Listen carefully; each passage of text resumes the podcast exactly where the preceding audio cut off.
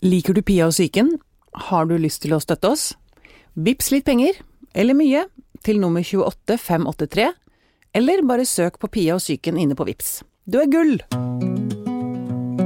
Alle har en syke, og jeg vil gjerne snakke om det. Det er det vi gjør her, sammen med huspsykiater Anne Kristine og en gjest. Dette er Pia om syke. Jeg merker at jeg bruker Jeg kan bruke ordet angst sånn i dagligtale. Sånn 'Å, jeg fikk angst fordi jeg ble forsinket', eller sånn. Eh, men det er ganske langt fra den type angst til ordentlig angst, Anne Kristine. Ja, til angst som sykdom, Mm. så er det veldig langt. Mm. Og de fleste vil jo kunne kjenne seg igjen i det der å få litt hjertebank og, og bli litt stressa, Ja. eller hva man nå skal kalle det. Ja. Men er det dumt å bruke det ordet 'nå fikk jeg litt angst'? Tenker Det er faktisk fordeler og ulemper, for fordelen er jo det at selve begrepet ikke blir så farlig. Mm. Men ulempen er jo at man kan begynne å kanskje tro at man er syk når man ikke er det. Ja, eller at man begynner å ta lett på ting som faktisk Ja, som er faktisk veldig krevende Ikke for sant? de som har det. Ikke sant? Ja. Em, gjesten vår i dag er blitt uh, si landskjent med sin angst. Velkommen hit, Malin. Tusen takk. Malin Nesvold Vangnes heter du, men alle kjenner deg liksom bare som Malin i Ja. Jeg mot meg. Ja, Ja. stemmer. Eller Makeup-Malin, da. Eller som Makeup også går veldig mye. Ja, Ja. nettopp. Eller venninna di. Venninna di, ja. Det er podcasten din. Det er podkasten min. Ja. Du, eh, aller først, Malin. Gratulerer så masse med Tabuprisen. Tusen takk. Var det stas? Ja, det var utrolig stas. Det var eh, Nei, det var en helt spesiell dag. Ja. Og veldig kult at man liksom eh, Ja, at det vi har gjort, blir anerkjent, da. ja. Det var veldig, veldig stas. Ja. Vi skal, um, jeg skal Jeg har lyst til å gå litt dypere. Jeg har lyst til å svømme rundt i angst etterpå. Gå litt dypere inn i den. eh, Men først så må vi må begynne litt lett, liksom. Ja. Mm. Du, eh, hvordan var det å være med på TV-serien Jeg mot meg? Åh, det var helt fantastisk. Ja, var det det? Ja. Det var jo ikke gitt at det skulle gå bra med alle, og det var vi jo veldig hva skal vi si, forberedt på Mm. eh, før opptak og sånt. At eh, det er jo ikke sikkert at dette her går veien, på en måte, og da er man jo på TV, så det var jo fryktelig skummelt. Mm. Eh, men det gikk jo over all forventning, Mm. og spesielt det med gruppeterapi, som jeg var veldig skeptisk til i utgangspunktet. Ja. Fordi jeg jeg tenkte bare sånn, jeg har mer enn nok med meg sjøl og tenker på mine egne problemer. Jeg vet ikke om jeg orker å sette meg inn i sju andres problemer, liksom. Nei, Ta det på skuldrene også. Ja. Mm. Eh, men det, det funka ikke helt sånn som jeg trodde. Det, det funka jo mye bedre. ja. Det var jo Hva- helt hva var- fantastisk. Hva var det som funka med gruppeterapien? Det som var så deilig, det var jo at man ikke trenger bare å grave seg ned i sine egne problemer. Det er deilig å vite at man ikke er aleine. Mm. Eh, og det er også veldig godt å, eh, å kunne bruke sine erfaringer da, eh, til å hjelpe de andre i gruppa. Mm. Og motsatt. At noen har gjort seg en eller annen erfaring allerede som også omhandler deg, men som ikke du på en måte har kommet helt dit enda, så har de på en måte svaret for deg. Ja. På den måten så drar, liksom, drar man hverandre framover, da. Litt og litt og litt og litt. Ja, for man kan lære litt av hverandre, og, Ja. og, det, og høre på noen andre som sliter med lignende ting, og så får man det litt på avstand. Ja, veldig. Ikke sant? At man ser det litt utenfra. Man kan se seg selv litt utenfra. Ja, jeg ble liksom tatt veldig på senga på det ene greiene der. For da var det jo Det var ei som sa til meg Eller som snakka om eh, sitt liksom vanskelige forhold til faren sin, at du ikke hadde noen kontakt med faren sin, og og jeg tenkte sånn Åh, stakkars. Uff, nei, så forferdelig. Og så plutselig tenk, går det jo bare sånn pling opp for meg. Bare sånn Å ja, stemmer det. Jeg har jo også en annen pappa, ja. Å ja, Og sånn, det var helt Det hadde ikke slått meg engang. Men da. Ja, det er sånne ting, da. At man plutselig bare får en liten sånn oppvåkning. ja, ja. Mm. Jeg la merke til det med du, du var en av de første i serien som virkelig på å si, gikk aktivt Ja. i, inn i andres situasjon. Altså, du, du var så veldig sånn empatisk og, og hjelpsom og liksom og deltakende, da. Ja, men det er jo Jeg tror det liksom er litt meg i min natur, da.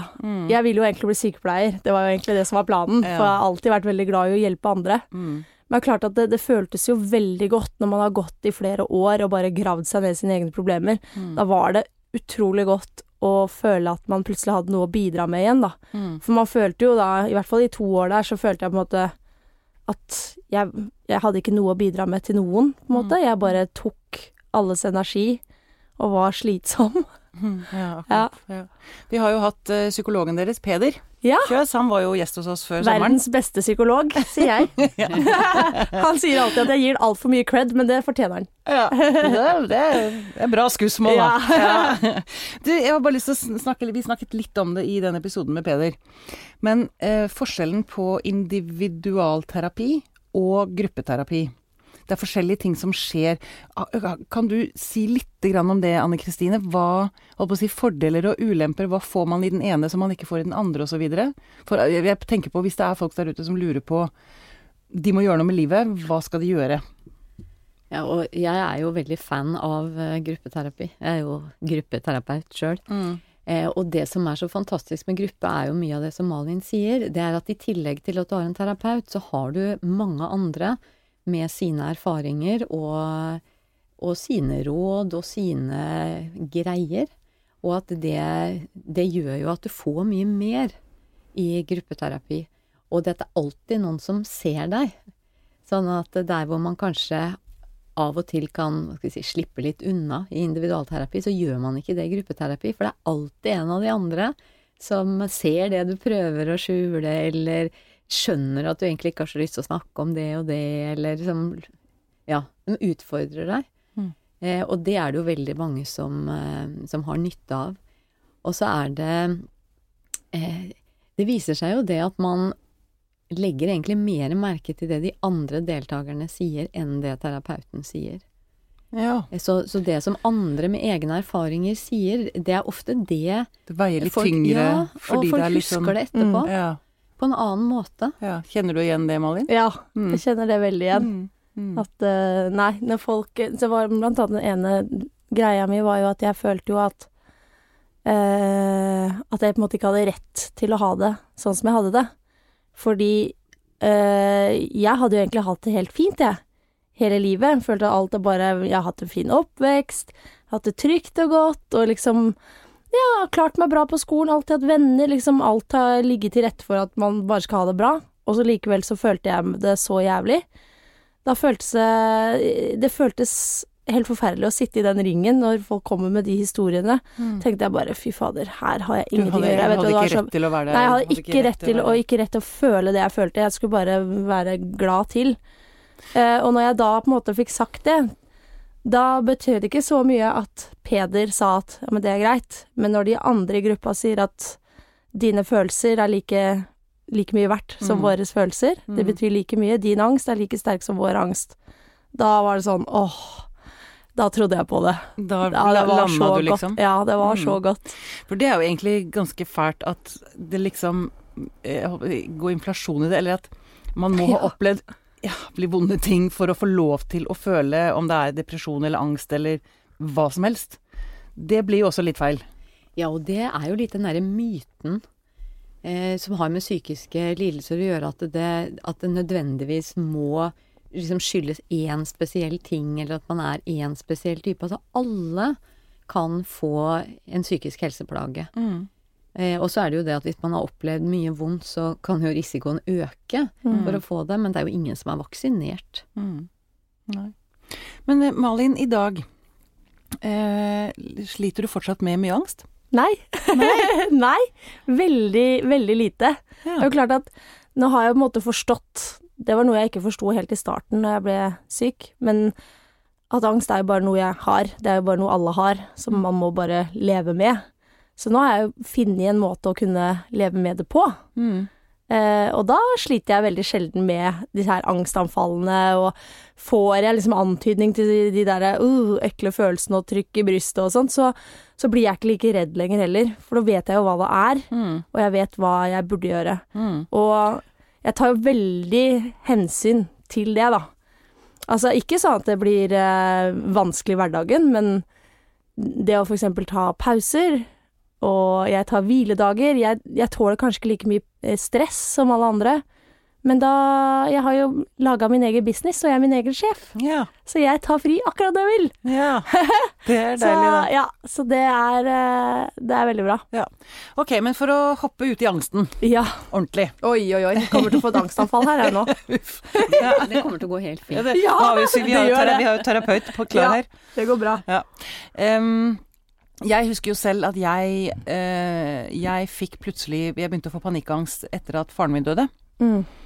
Da, så jeg kjenner igjen mye av det jeg har lest om deg. Eh, den derre opplevelsen av å plutselig ikke få puste. Eh, akkurat idet jeg skulle til å sovne, så var det sånn eh, Og og du forstår ikke hva som skjer. Og, og som du sa, det at man Altså, jeg begynte i terapi da og eh, begynte å, å liksom møte angsten. Og det psykologen sa da, var at det, altså, til slutt så begynner du Du utvikler en redsel for å bli redd. Ja. Og det er det nesten som er angsten. Altså idet vi begynte å møte Jeg hadde sånne slimtroll, da, som jeg så på dem som, liksom.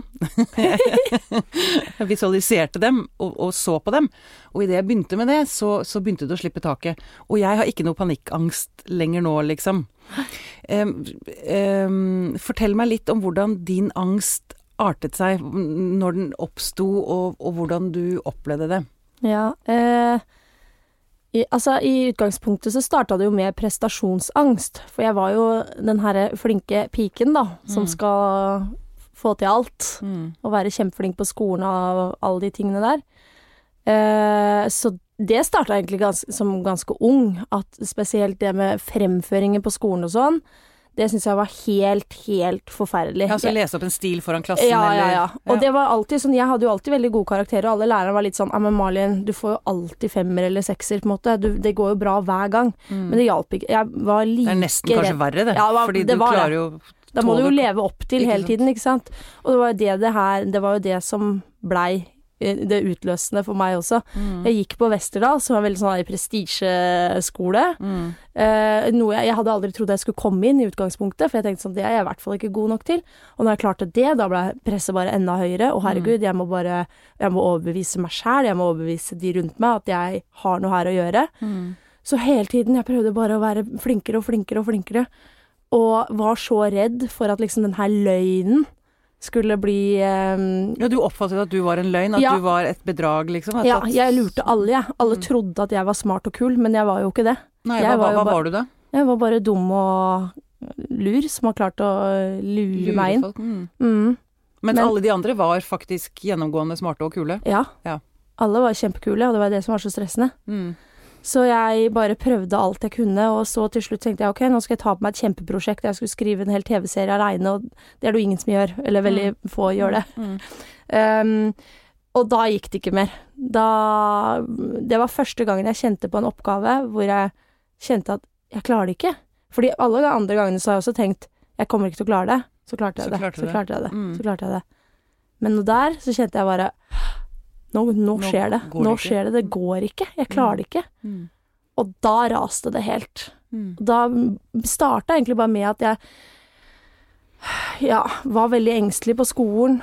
Plutselig blei det rart å være i klassemiljøet. Plutselig turte jeg ikke å snakke med de jeg snakka med hver eneste dag. Jeg turte liksom ikke Første skoledag så turte jeg ikke å si navnet mitt.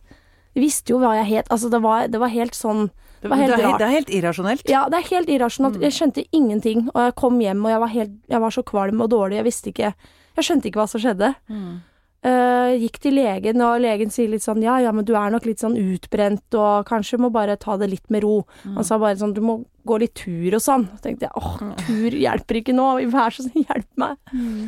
Uh, og da gikk jeg hjemme en måned og bare blei verre og verre. Og da kom jo den her første panikkangstanfallet, da. Ja. Og det var da jeg satt og så på TV sammen med kjæresten min hjemme. På en måte virkelig liksom det tryggeste trygge. Mm. Og plutselig, helt ut av det blå, så bare smeller det i meg. Det er akkurat som Jeg følte at det var som en Noe som traff brystet mitt og på en måte imploderte. Det gikk sånn innover, sånn tok pusten ut av meg, og så var jeg livredd. Og jeg husker jeg bare satt der, plutselig sier jeg til kjæresten min sånn Jeg er redd. Jeg er redd. Og så sier han sånn Hæ, hva er, det, hva er det du snakker om? Nei, jeg er redd. Jeg skjønner ikke. Jeg, jeg, jeg skjønner ikke. Og da bare raste det helt. Jeg trodde jeg holdt, at det holdt på å klikke for meg. Mm. Fordi alle Du ble redd for å miste deg selv? Ja, jeg, følte, jeg, jeg, mm. jeg, så for meg bare Fy fader, nå det er, ting, det er, to ting, som kan skje her nå. Mm. Enten så blir jeg innlagt Jeg så for meg sånne hvite, sånn som du ser på film, liksom. Jeg blir lagt i belter, og her Nå klikker det for meg. Mm. Eller så er jeg i ferd med å dø. Mm. Det er en av de to tinga som skjer nå. Ja. Jeg har aldri vært så redd liv. ingen, ingen, eh, det, det er ikke noen god utgang på ting. Altså, det, er ikke, det er ikke to bra alternativer, liksom. Nei, det er ikke det. Sånn, det er pest Så- eller kolera. ja. Mm. Så det var bare Det var helt grusomt. Jeg bare Mm. mista all kontroll. Tankene fløy i full fart. Mm. Og jeg kastet opp, og jeg rista, og jeg var iskald, og jeg var svimmel, og det var liksom Mm. Ja, det var helt forferdelig. Det er klassiske symptomer på angst Er det angstanfall? Panikkangstanfall? Ja, det er veldig, et veldig klassisk anfall du forteller. De fleste er nettopp redd for det, enten å bli gal eller å dø. Ja. Fordi at så sterkt kjennes ja, det gjør så vondt i hjertet òg. Det gjør Mm. vondt i hjertet, sånn helt Mm. fysisk, Mm. i muskelen. Mm. Så man tror jo man får et hjerteinfarkt. Mm. Eller kjennes Ja. Ja da, ja. Ja. absolutt. Men jeg, jeg, jeg husker jeg også hadde et sånn massivt panikkangstanfall, skjønte jeg i ettertid at det var. Og det husker jeg snakket med psykologen min om det, og så sa jeg eh, at det jeg, min angst gikk på at jeg var redd for å miste meg selv. Mm. At jeg bare skulle forsvinne på en eller annen måte. Eh, det er vel kanskje å bli innlagt, det. Eller at, at jeg liksom bare skulle Gå i oppløsning. gå i oppløsning. Ja. Ja. Da husker jeg han sa, og jeg sa at um, jeg skammet meg litt fordi jeg sa at det var faktisk mer skremmende enn å miste pappa. Mm. Uh, og så sa han det, ja det er en veldig, veldig stor forskjell. Altså det å miste en annen, det er jævlig vondt. Men det å miste seg selv, altså at det er mer skremmende, det var ikke han overrasket over. Eller Nei. det er helt normalt. Altså, Mm.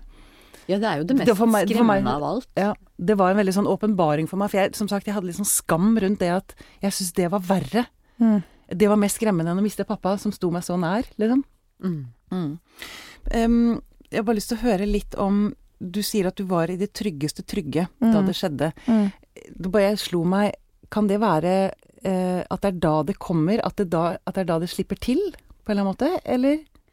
Jeg tror det kan nok være veldig individuelt, altså hvor det, hvor det oppstår hen. Ja. Og det er jo noe av utfordringen med panikkangstanfall, at man vet aldri. Og når man har fått panikkangstanfall noen ganger, kanskje hjemme, kanskje borte, så blir jo ikke noe sted trygt lenger.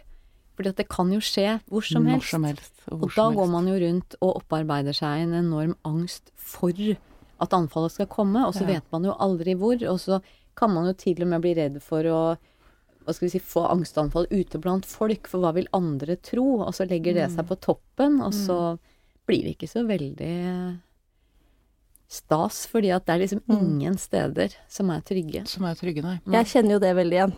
Ja. Ja. Det var jo sånn, du, du får jo da etter det første angstanfallet, så tenker du det her orker jeg aldri igjen. Og man blir så redd, man får så angst for den her angsten. Mm. Uh, at i hvert fall jeg, jeg bare lukka meg mer og mer inn. Sånn som du sa, altså jeg kunne ikke, jeg kunne ikke gå noe sted. For tenk hvis jeg fikk et anfall. Mm. Jeg kunne ikke Jeg ble, jeg ble plutselig redd for alle mulige ting. Så, og så ble jeg så redd for å dø òg, for at jeg hadde følt sånn på det at jeg har aldri vært så nær døden noensinne som, som da. Og da ble jeg så redd for å dø, for jeg ville ikke dø, jeg ville ikke dø. Jeg husker jeg sto i stua og grein til kjæresten min og sier bare jeg, jeg vil ikke dø, jeg vil ikke dø. Sier jeg, men du skal jo ikke dø. Mm. Du, du skal ikke dø nå. Mm. Jeg var jo, men jeg var helt sikker på at det var det som kom til å skje Mm. veldig snart. Mm. Eh, og da ble jeg også redd for alle andre ting som kunne gjøre at jeg døde, da. Spesielt kreft, for eksempel. Ja. Jeg var jo helt sånn bare, jeg, jeg, jeg drev jo hele tiden og liksom overvåka kroppen min. Hele tiden. Kjente etter, har du litt vondt der, ja, litt kvalm der? var det. Litt, mm. Og med en gang jeg kjente noe, ja, da fikk jeg jo et angstanfall, for da var det jo å herregud, jeg holdt på å dø. Mm. Og sånn var det jo hele tiden. Så jeg Mm. gikk jo rundt og hadde angstanfall og trodde jeg hadde kreft i hjernen, og jeg hadde leukemi, og jeg hadde Jeg vet ikke hva jeg hadde. Jeg hadde alt. Mm. Hele tiden. Mm.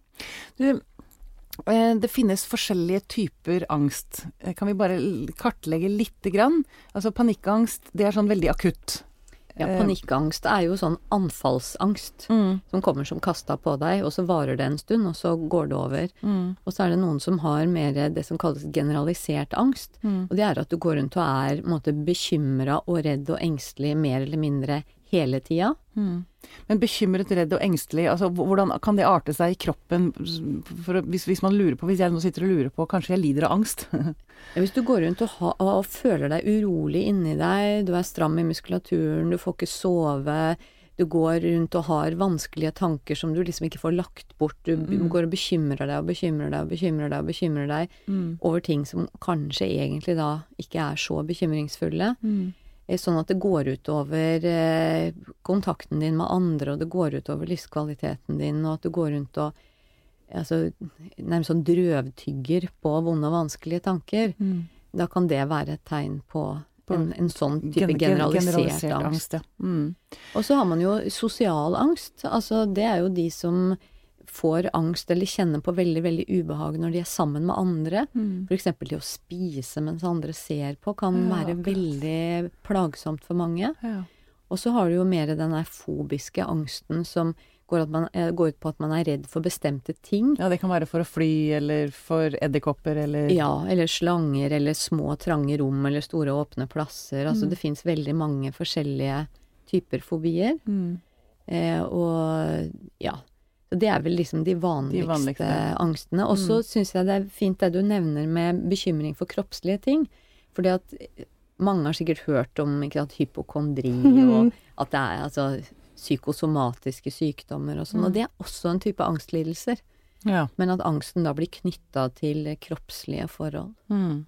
Mm. Men Malin, eh, nå sier du også Du har jo da kommet gjennom Hvor, hvor, hvor mange år eh, hadde du dette problemet? Tre? Fire? Eller noe sånt nå? Uh, ja, altså, på det verste, da var det Det var to år som var helt, helt nede, på en måte. Mm. Mm.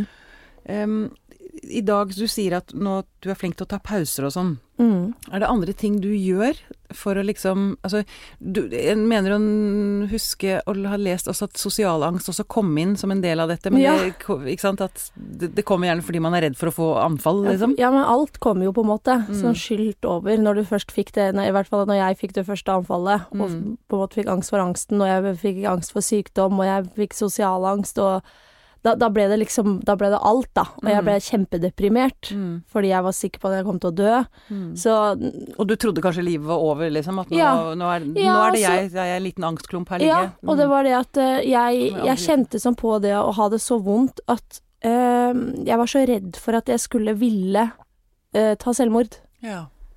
Fordi jeg kjente sånn på det at hvis dette her vedvarer jeg, jeg vet ikke hvor lenge jeg klarer å holde ut det her Mm. før jeg vet at jeg kommer til å ønske å dø. Mm. Så det var veldig skremmende. Ja, det altså kjenner jeg faktisk igjen. Det husker Ja. jeg faktisk igjen, han der psykologen jeg begynte hos da jeg fikk panikkangst.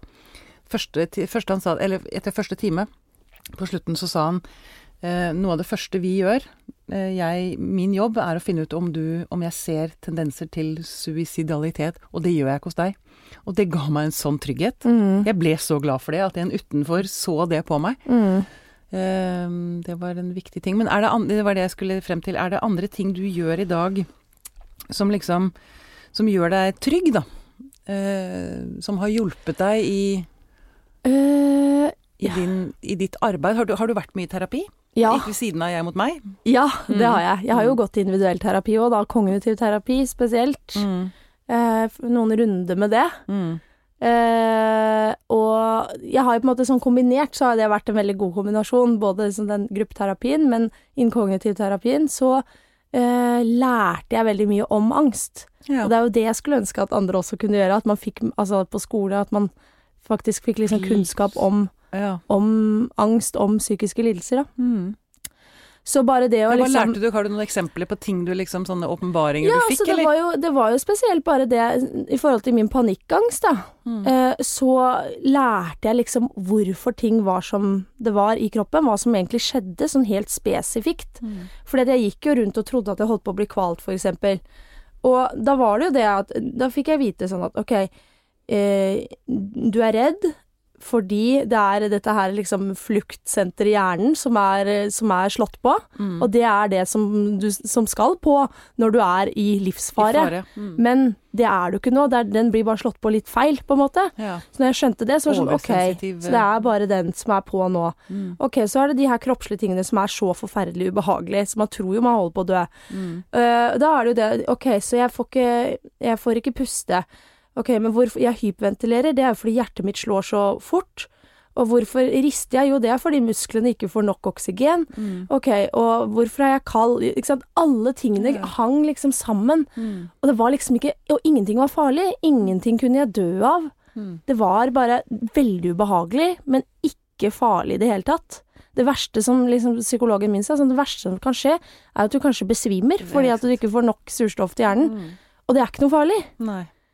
Og da, Det er det jeg tenker veldig mye på nå. at hvis, når jeg kjenner Det her liksom Det starter jo ofte hvis jeg kjenner at jeg holder på å få litt sånn øh, angst. Kjenner jeg sånn øh, litt sånn stikk i brystet, og så begynner det liksom å prikke litt rundt, og jeg begynner å bli sånn dårlig i magen og Ja, det kan du fortsatt kjenne tendensen til? Ja, det kan jeg til. kjenne, men Mm. da er det sånn Og og da, da er det sånn, OK. Da må jeg bare liksom stoppe litt opp, og så se rundt meg og se sånn Her er det noe som egentlig er farlig her nå. Nei, det er ikke det.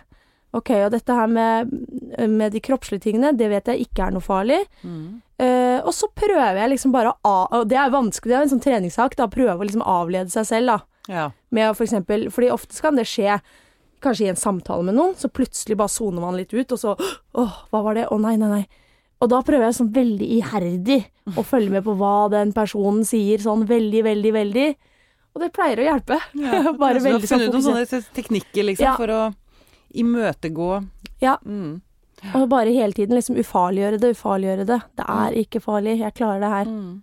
Du, jeg, jeg leste at du sa at du visste ikke før du, før du selv fikk denne lidelsen, der, eh, angst, mm. Mhm. angsten, så visste du ikke at det var så mange som sleit psykisk. Nei, jeg har gått rundt og vært så naiv. Jeg har følt meg helt dum.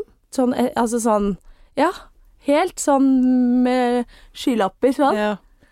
Så eh, Nei, jeg ante det ikke. Det var som en helt ny verden som åpna seg for meg da jeg ble dårlig. Og jeg, jeg følte veldig raskt for å på en måte snakke om det. Det var bare naturlig for meg å, Mm. å være åpen om det, fordi det hjalp sånn også. Å ikke være aleine om det. Eh, og da, når jeg var åpen, da begynte folk å åpne seg. Og da skjønte du, det var da du skjønte Ja. at det faktisk er var det sånn mange liksom som Nesten sliter med alle vennene mine, og hele familien, alle. Plutselig var det sånn Ja, men hæ, hun har det, og tante og onkel, liksom. Det var jo helt Ja. sånn Hæ? Ja. Det, det kunne jeg jo ikke forstå, for når, jeg, når man sånn sett utenifra, så ser det ut som de har det helt kjempe. Det er akkurat det. Og det er akkurat Mm. det jeg tenker ofte på når jeg ser folk rundt meg. Ikke sant? Akkurat som du sa. Mm. Når du ser på folk rundt deg, så tenker du å, hun har så kontroll på livet sitt, og Mm. hun har så fine klær, og hun, du ser det på henne at hun bare har, er kjempelykkelig. Men sånn er det jo ikke. Nei. Alltid. Nei. Virkelig ikke. Altså, som du da sier, ikke sant. Når man først åpner seg, så kommer andre på banen og sier 'jeg har sånn, og jeg sliter med sånn', og Det er Jeg prøver egentlig å slå et slag for åpenhet. Ja, gjør vi ikke alle? Og vet du, nå skal jeg bare bryte inn litt, eh, apropos åpenhet. fordi at jeg syns det var så fint eh, at du fortalte om det at du hadde disse, denne redselen for selvmordstankene. Og eh, de som hører på oss nå, de fortjener at vi sier litt mer om det. Fordi at selvmordstanker, altså både redselen for å få det og selvmordstanker er veldig skremmende. Men, og mye av det du forteller, er jo det at du ble redd for dine egne tanker og følelser. Mm. Jeg har bare lyst til å si det veldig sånn høyt og tydelig, og du var inne på det òg, at tanker og følelser er ikke farlig. Så det å tenke at man er redd for at man kan komme til å ha lyst til å ta livet sitt, det er ikke farlig å tenke det. Og veldig, veldig mange mennesker har, tenk, har tanker om enten å bare ønske å dø, altså legge seg og slippe å våkne, mens noen har mer aktive tanker og tenker at dette orker jeg ikke mer. Det er ikke farlig. I seg selv, nei. Nei, det blir først farlig hvis man begynner å handle på det. Mm. Men når man har sånne tanker, så kan jo det være et eh, tegn på at man bør snakke med noen andre. Ja. Fordi at de tankene er så slitsomme. Altså uansett om de er farlige eller ikke, så er de grusomt slitsomme. Ja. Og Og vonde å bære Og alene. vonde å bære alene, alene. ikke, ikke minst. Men jeg tenkte også, en, en ting jeg lærte, var også at det er en stor forskjell på å ønske å dø og å ikke ønske å leve. Ja. Det er et sånt hav imellom de to tankene der, da. Ja, og så rett og slett bare tenke at altså, det er ganske normalt Mm. å tenke på døden. Mm. For det er noe som angår oss alle. Ja. Men ikke gå aleine med de tankene. Eh, hvis, man, hvis sånn som Malin forteller, hvis du begynner å bli redd for sånne tanker, så er det veldig lurt å snakke med noen. For er det blir blir det- så skremmende. Men er ikke det litt sånn skummelt? Altså, og, og, du kan ikke si til venner at 'jeg har lyst til å dø'. Er ikke det å legge et ekstremt stort ansvar på andre? Eller? Du kan si både ja og nei. Altså, nå skal man jo ikke si det at eh, 'jeg har lyst til å dø, redd meg'. Mm. Men eh, har man en god venn eller en forelder eller en bestemor eller en terapeut, Mm. eh, så går det an å, å si det som Malin sa, at vet du hva, jeg, jeg syns det er så slitsomt å ha de tankene. Mm. Så kan man jo si at det er jo ikke det at jeg vil dø, men jeg blir så redd for det. Mm. Og så kan man bare snakke om det. For det er ikke sånn at hvis man sier det til terapeuten sin, så blir man lagt inn? Nei, heldigvis. Nei, heldigvis Ja, men det kan også ja. være en skrekk, liksom. Ja, At det hvis man sier, lufter ja. det for noen, at plutselig så kommer de bare og drar deg vekk og putter deg inn på Men det er jo en Og det er jo heller ja. motsatt. Ja. Er det ikke det, da? Jo. Vi er jo, det er jo altfor få ressurser i dette landet. I Mm. hvert fall nå. Mm. Men ja, jeg har bare lyst til å si også noe om uh, dette, uh, dette med angst er en veldig ungdomslidelse. Jeg leste at uh, tre av fire som utvikler angstlidelse, utvikler det før de fyller 25. Ja, det er, Det er veldig mange ungdoms... unge. eh, mange ungdom, og, og det er, så vidt jeg forstår, også økende. Det er ganske høye tall for, eh, for ungdom, Mm. og særlig unge kvinner. Særlig unge kvinner. Og det er sånn flink pike-syndrom, eller? Ja, altså Man kan godt kalle det det. Jeg er ikke så glad i, i det begrepet egentlig, for det er ikke noe gærent i å være flink. Nei.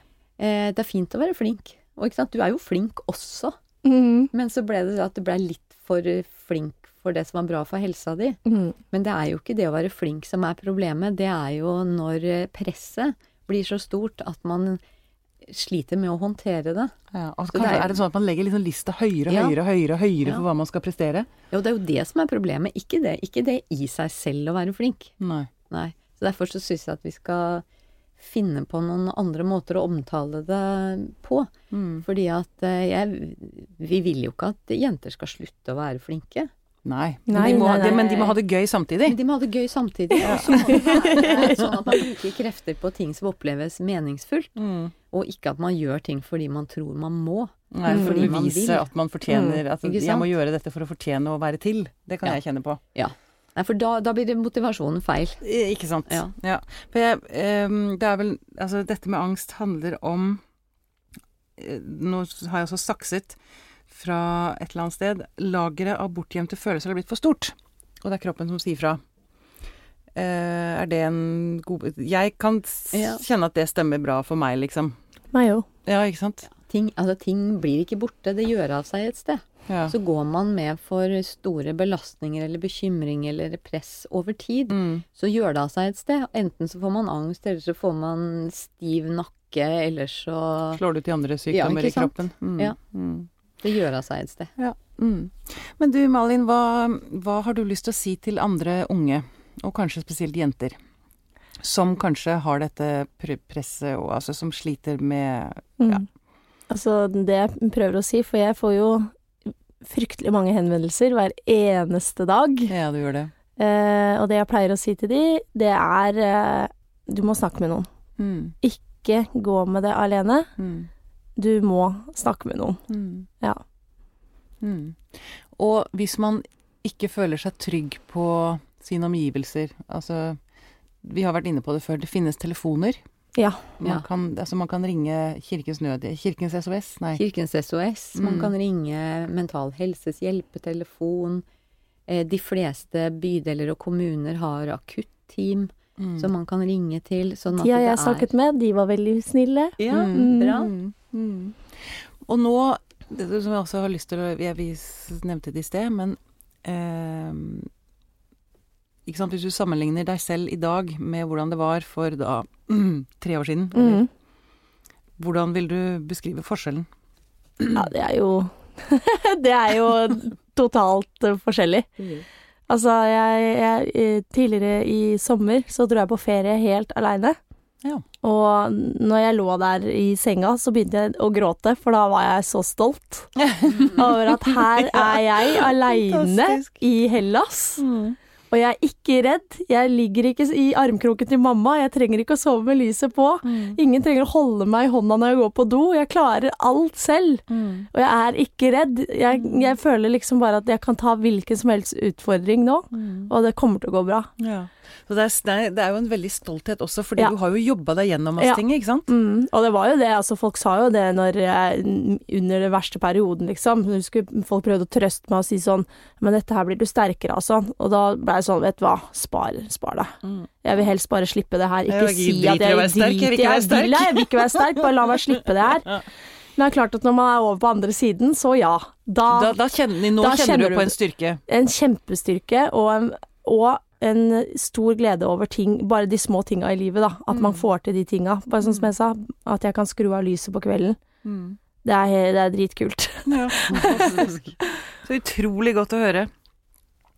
Eh, til slutt så har jeg bare lyst til å spørre dere begge om eh, For jeg, dette kan vi liksom ikke snakke nok om, tenker jeg. Hvorfor er det så tabu? Hvorfor er vi så redde for dette? Altså, vi har sagt det før, at å brekke en arm er kjempefint. Eh, eller ok, at det er kjempefint er kanskje å ta i, men liksom Da går man stolt rundt med gipsen og får folk til å skrive på, liksom. Og? Så Mm. er man litt sånn Mens hvis man brekker eh, sjela, så skammer man seg. Hva, hvor, hvor kommer det fra? Og det er jo en myte. Altså det er en myte, men den lever nok eh, dessverre fremdeles, og det er at alle typer psykisk sykdom har med om man er sterk eller svak. Ja. Eh, Sånn at eh, hvis man har angst, så er det fordi man er svak, og det er jo altså det er bare tull og tøys. Så det er ingen grunn til å tro det, men eh, tenker tidligere generasjoner så handla det jo om å ta seg sammen. Ja. Og gå en tur i skogen. Og ja, Mm. Gå av det. Mm. Ja. Mm. Men, men altså, det handler ikke om å være sterk eller å være svak, eller det handler ikke om moral. Det var jo også en periode. At det nærmest var sånn en moralsk lidelse hvis man hadde en psykisk sykdom. Mm. Eh, vi har kommet et godt stykke på vei til å avlive de mytene, Mm. men det er nok eh, det som har mye av skylda. Mm. Ja. Fordi vi ser jo dette oppegående, fantastisk vakre mennesket som sitter tvers overfor meg her. Å, gi deg nå. Som har kommet ut på andre siden. Det går an, det er så oppløftende. Jeg blir så utrolig glad av å ha deg her, Malin. Tusen takk skal du ha for at du kom hit. Tusen takk for at jeg fikk komme.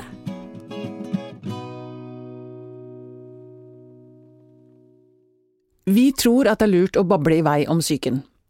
Og for at vi skal kunne fortsette å produsere, så trenger vi penger. Har du lyst til å hjelpe oss? Vips litt penger, eller mye, til nummer 28583.